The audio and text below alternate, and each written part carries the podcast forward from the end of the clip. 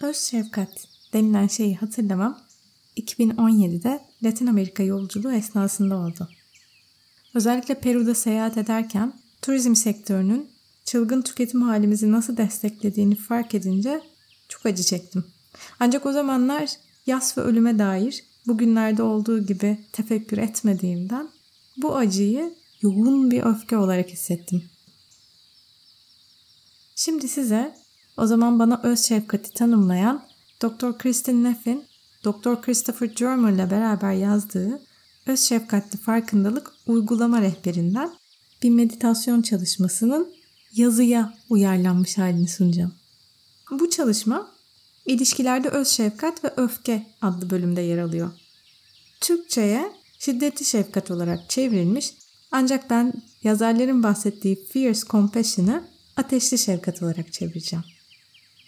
Yazarlarımız demiş ki öfke kişinin kendisinin ya da diğerlerinin acısını azaltma ya da doğru olanı savunma amacıyla kullanıldığında buna ateşli şefkat adı verilir.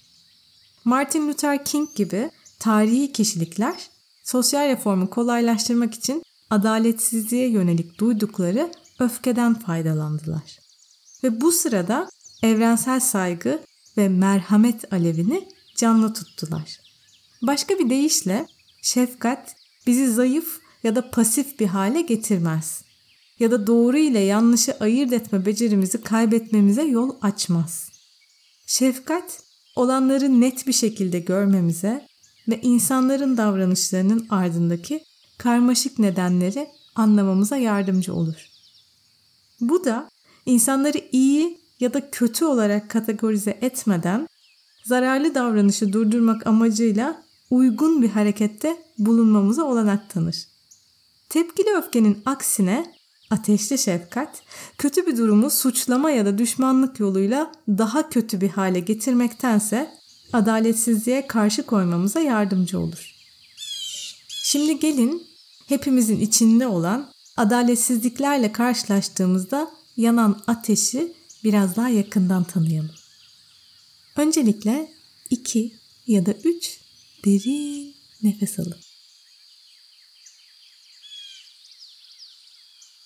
Eğer rahatsanız kendinize odaklanmak için birkaç dakika gözlerinizi kapatın. Elinizi kalbinizin üzerine koymayı ya da yatıştırıcı bir temasla kendinize dokunmayı deneyin. Ellerinizin bu dokunuşu kendinize verdiğiniz destek ve nezaketin bir hatırlatıcısı olsun. Şimdi kesinlikle katılmadığınız belirli bir sosyal ya da politik durumu düşünün. Bu durumu düşündüğünüzde neler hissediyorsunuz? Değiştirmeye çalışmadan sadece duygularınızın farkına varın. Şimdi aynı durumu herhangi birini şeytan gibi göstermeden tanımlayabilir misiniz? Duruma baktığınızda kimler nelerden sorumlu belirleyebilir misiniz? Değiştirmek istediğiniz şey tam olarak ne? Ateşli bir şefkatle durumu değiştirmek için atabileceğiniz en küçük adım hangisi? Şimdi sizi bu soruların üzerine demlenmek için 6 dakika serbest zihin akışıyla yazmaya davet ediyorum. Rahat yazan, akışkan bir kalem alın.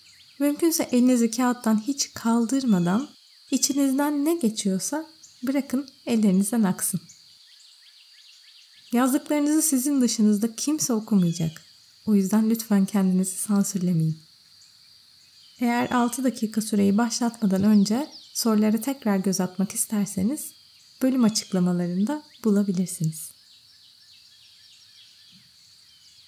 Herkese keyifli keşifler, birlikte hayalini kurduğumuz dünyaya doğru emin adımlar.